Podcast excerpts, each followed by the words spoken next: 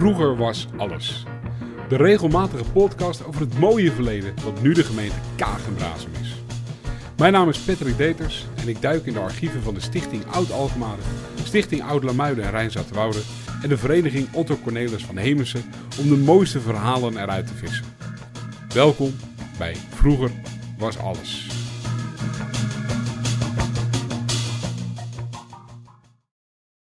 In 1904 verschijnt van de hand van ene O.C. van Hemessen het boekje Een wandeling door Wouwbrugge en Hoogmade.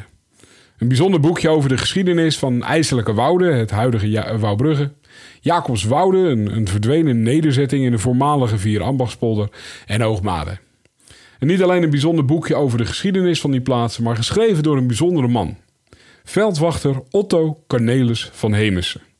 En tegenwoordig vind je in Wouwbrugge nog steeds het museum dat zijn naam draagt. Wat maakt deze veldwachter nou bijzonder? Het verhaal van Otto Cornelis begint op 27 juli 1854. En daar wordt deze zoon van een schrijnwerker geboren in wat we tegenwoordig kennen, de Spuistraat. Zijn vader was schrijnwerker, een, een houtbewerker die kasten en meubelen maakte en hij was daar goed in. Is zo goed dat hij werd aangenomen als meester-schrijnwerker in het Koninklijk Paleis aan de Dam. En dat voor een inkomen van 320 gulden per jaar, 6,5 gulden per week. Wat een redelijk riant inkomen was rond die 1850. Nou, Otto heeft, een, heeft een, een, een rustige jeugd gehad. Het was geen goede leerling. Eh, hij was voornamelijk afgeleid door allerlei mooie dingen. Hij was ochtends vaak te laat omdat hij stond te sturen in mooie winkelruiten in Amsterdam. En af en toe maakte hij wel eens slechte keuzes. Hij speelde bijvoorbeeld regelmatig blinde mannetje. Dus een geblinddoek achter elkaar aanrennen, wat op zich een prima spel is, maar niet zo'n heel slim spel in de buurt van grachten. En hij is ook een aantal keren aan zijn haren uit de grachten gehaald door zijn oudere zus. Feit dat we nog steeds spreken van Otto Cornelis van Hemessen, hebben we voor een groot deel te danken aan Maria Johanna Helena van Hemessen. Zijn vader kreeg, omdat hij uh, uh, werkte aan het uh, Koninklijk Paleis, een ruim huis met vijf kamers. Dat was voor het gezin veel te groot. Dus er werden drie van die kamers werden verhuurd aan commissaals. Een term die we allemaal kennen dankzij dokter Anders P. En in zijn memoires schrijft Otto Cornelis ook dat hij regelmatig mee mocht naar het, het werk van zijn vader. En hij haalt een gelegenheid aan waar hij rent door de gangen, tegen een grote man opklapt. Die pakt hem op, zet hem over, op een stoel, aait hem over zijn bol en spreekt de woorden: een flinke vent worden, hoor. Uiteindelijk zijn ontmoeting met koning Willem III. Die lagere schooltijd die gaat voorbij en eigenlijk was het in die tijd gebruikelijk dat als je ja, lagere school erop zat, dan ging je aan het werk.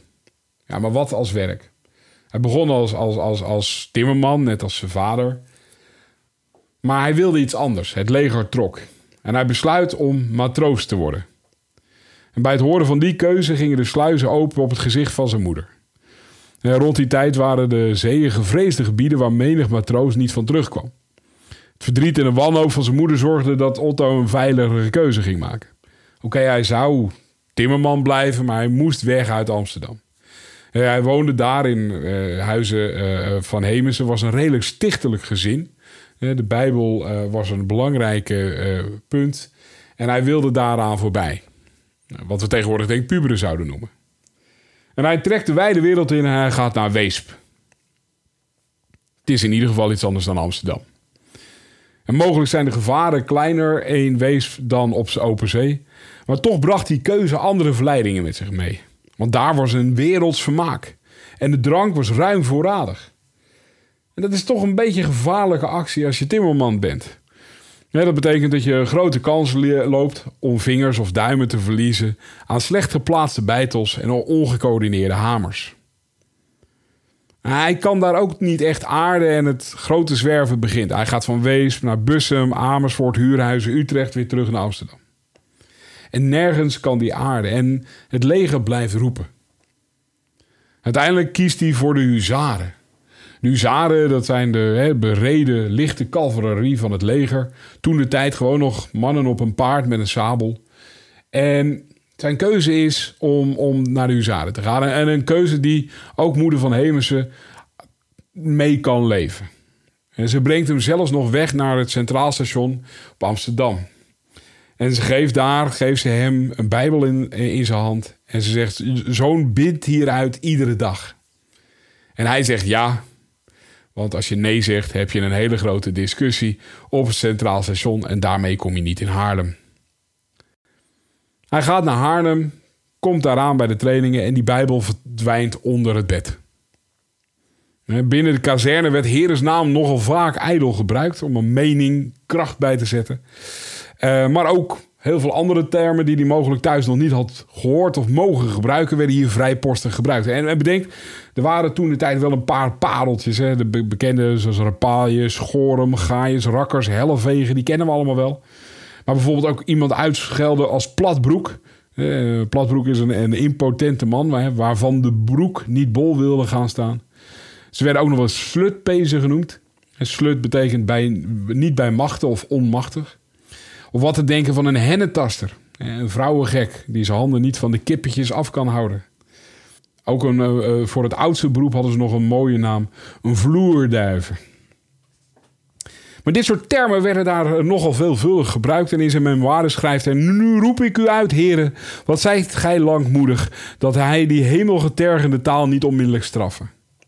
Maar uiteindelijk, hij is ook niet van steen en waar je mee omgaat, besmet hem ook. En als hij terugkijkt, begon hij in die tijd ook heel veel te vloeken. En het bidden schiet er toch maar vaak bij in. Toch toonde hij zich een goede huzaar en na een aantal maanden werd hij ingedeeld bij het veld Eskedon, het derde Eskedon van de derde sectie. En nog voordat hij daar kan beginnen, belandt hij in de gevangenis. En wordt aangekondigd dat hij voor de krijgsraad moet verschijnen. Dit lijkt me een uitermate slechte start van een militaire carrière. Wat is er gebeurd? In, in de laatste dagen voor het vertrek naar Milligen, waar inderdaad wat derde escadron zit, wordt Otto gevolgd door een klein hondje. Leuk beestje, vond het leuk om geaaid te worden, om te spelen en hij sliep gewoon onder het bed in de barakken. Maar ja, je gaat op Mars, ja, dan kan je zo'n dier niet meenemen. Dus aangezien hij niet weet van wie dier is, besluit hij het hondje te verkopen aan een hondenkoopman. En daar gaat het mis. De volgende morgen bij het appel wordt hij door een luitenant naar voren geroepen en direct door de wachtmeester in de boeien geslagen, omdat hij de hond van de nieuwe paardenarts gestolen en verkocht heeft in de stad. Hij wordt opgesloten in de gevangenis van de kazerne en zijn vader krijgt ook een telegram dat zijn zoon voor de krijgsraad zal moeten verschijnen. En in die gevangenis leert Van Hemessen weer bidden alsof zijn leven ervan afhangt. En het zal niet helemaal letterlijk zijn, maar bedenk wel dat de straffen in die tijd bij een krijgsraad hoog waren. Uiteindelijk zijn vader komt naar Haarlem toe en, en redend met de luitenant. En uiteindelijk wordt hem een poging geboden om zijn hachje te redden door de hond terug te halen en terug te brengen bij de paardenarts. Hij gaat naar de hondenkoopman en, en die heeft de hond nog en hij kan hem terugkopen. Wel voor een prijs van 5 gulden. Dat is een stevige inflatie, want hij heeft de hond verkocht voor 25 cent. En die hondenkoopman zal ongetwijfeld ook wel gezien hebben dat er hier echt wel druk achter zat. Maar hij koopt hem terug. En hij gaat terug naar de paardenarts en geeft de hond terug en alles is vergeten en vergeven. De militaire carrière begint en het bidden blijft. Hij doet het goed. Een jaar later wordt hij bevorderd tot appointed. Dat is een, rang tussen huzaar en brigadier. En hij gaat van Haarlem naar Den Haag, naar Bergen op Zoom, waar hij brigadier wordt. Terug naar Den Haag, waar hij uiteindelijk wachtmeester wordt. Een promotie die hij ook gevierd heeft in uh, de niet-traditionele zin. Maar de eerste nacht als wachtmeester bracht hij door in het arrestantenlokaal. Ik begin wel een soort thema te ontdekken. Een van zijn manschappen had vergeten het zadel weer schoon te poetsen en de nieuwe bakker wachtmeester had er verzuimd om er naar te kijken. Dus met de stichtelijke literatuur en gebeden werd de nacht in die bak beslecht. Kijk, binnen het leger werd Otto wel gezien als een stichtelijke heilige boom. Hij bad voor het eten, dronk niet en communiceerde zonder knopen. Vloeken werden in die tijd ook wel knopen genoemd en, en Otto geloofde daar niet in. In, in tegenstelling tot menig ander officier die de manschappen stijf vloekte en adviseerde om een borrel de strijd in te trekken om vloeibare moed bij zich te hebben, had hij een ander soort gesprek met zijn manschappen. Uiteindelijk heeft hij het wel aardig gedaan in het leger, maar in 1878 trad hij uit het leger, eh, want hij werd op verzoek van zijn moeder ontslagen na het overlijden van zijn vader. Dus terug naar Amsterdam. Maar ja, thuis zitten brengt geen geld in het laadje, dus op zoek naar werk. Eerst timmerman, vervolgens brievenbezorger. En dat waren toen nog mensen die in dienst waren van de posterijen en niet allemaal van verkapte ZZP'ers. En uiteindelijk trouwt hij ook. Hij treedt in het huwelijk met Margaretha Agnes Binnenkade.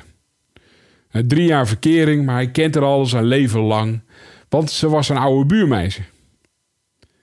En ze zeggen wel eens wat je van verre haalt, et cetera, et cetera. Maar Otto hield het graag dichtbij. En naast het feit dat hij brievenbezorger was, is hij ook gestart met een redelijk succesvolle handel in tabak- en rookartikelen. En uh, toen er in de buurt ook nog een grote groep arbeiders neerstreken om een tentoonstelling, liep de handel zo goed dat ander werk niet meer nodig was. Uh, het draaide goed en het geld kwam aardig binnen.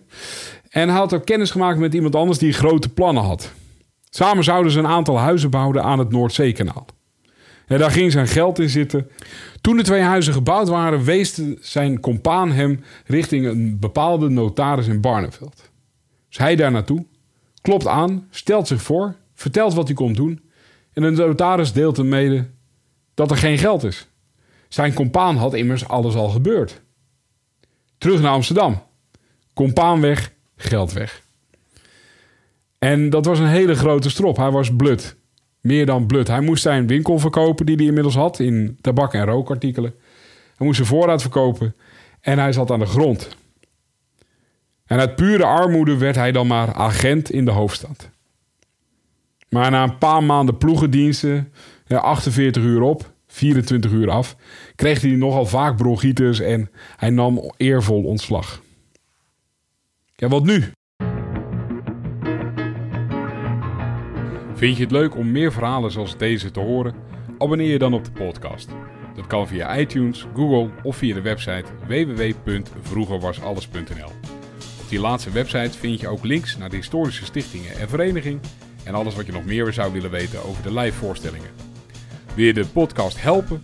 Word dan lid van een van de historische stichtingen of vereniging, want daarmee zorgen zij dat deze mooie geschiedenis blijft bestaan. Graag tot de volgende. Vroeger was alles.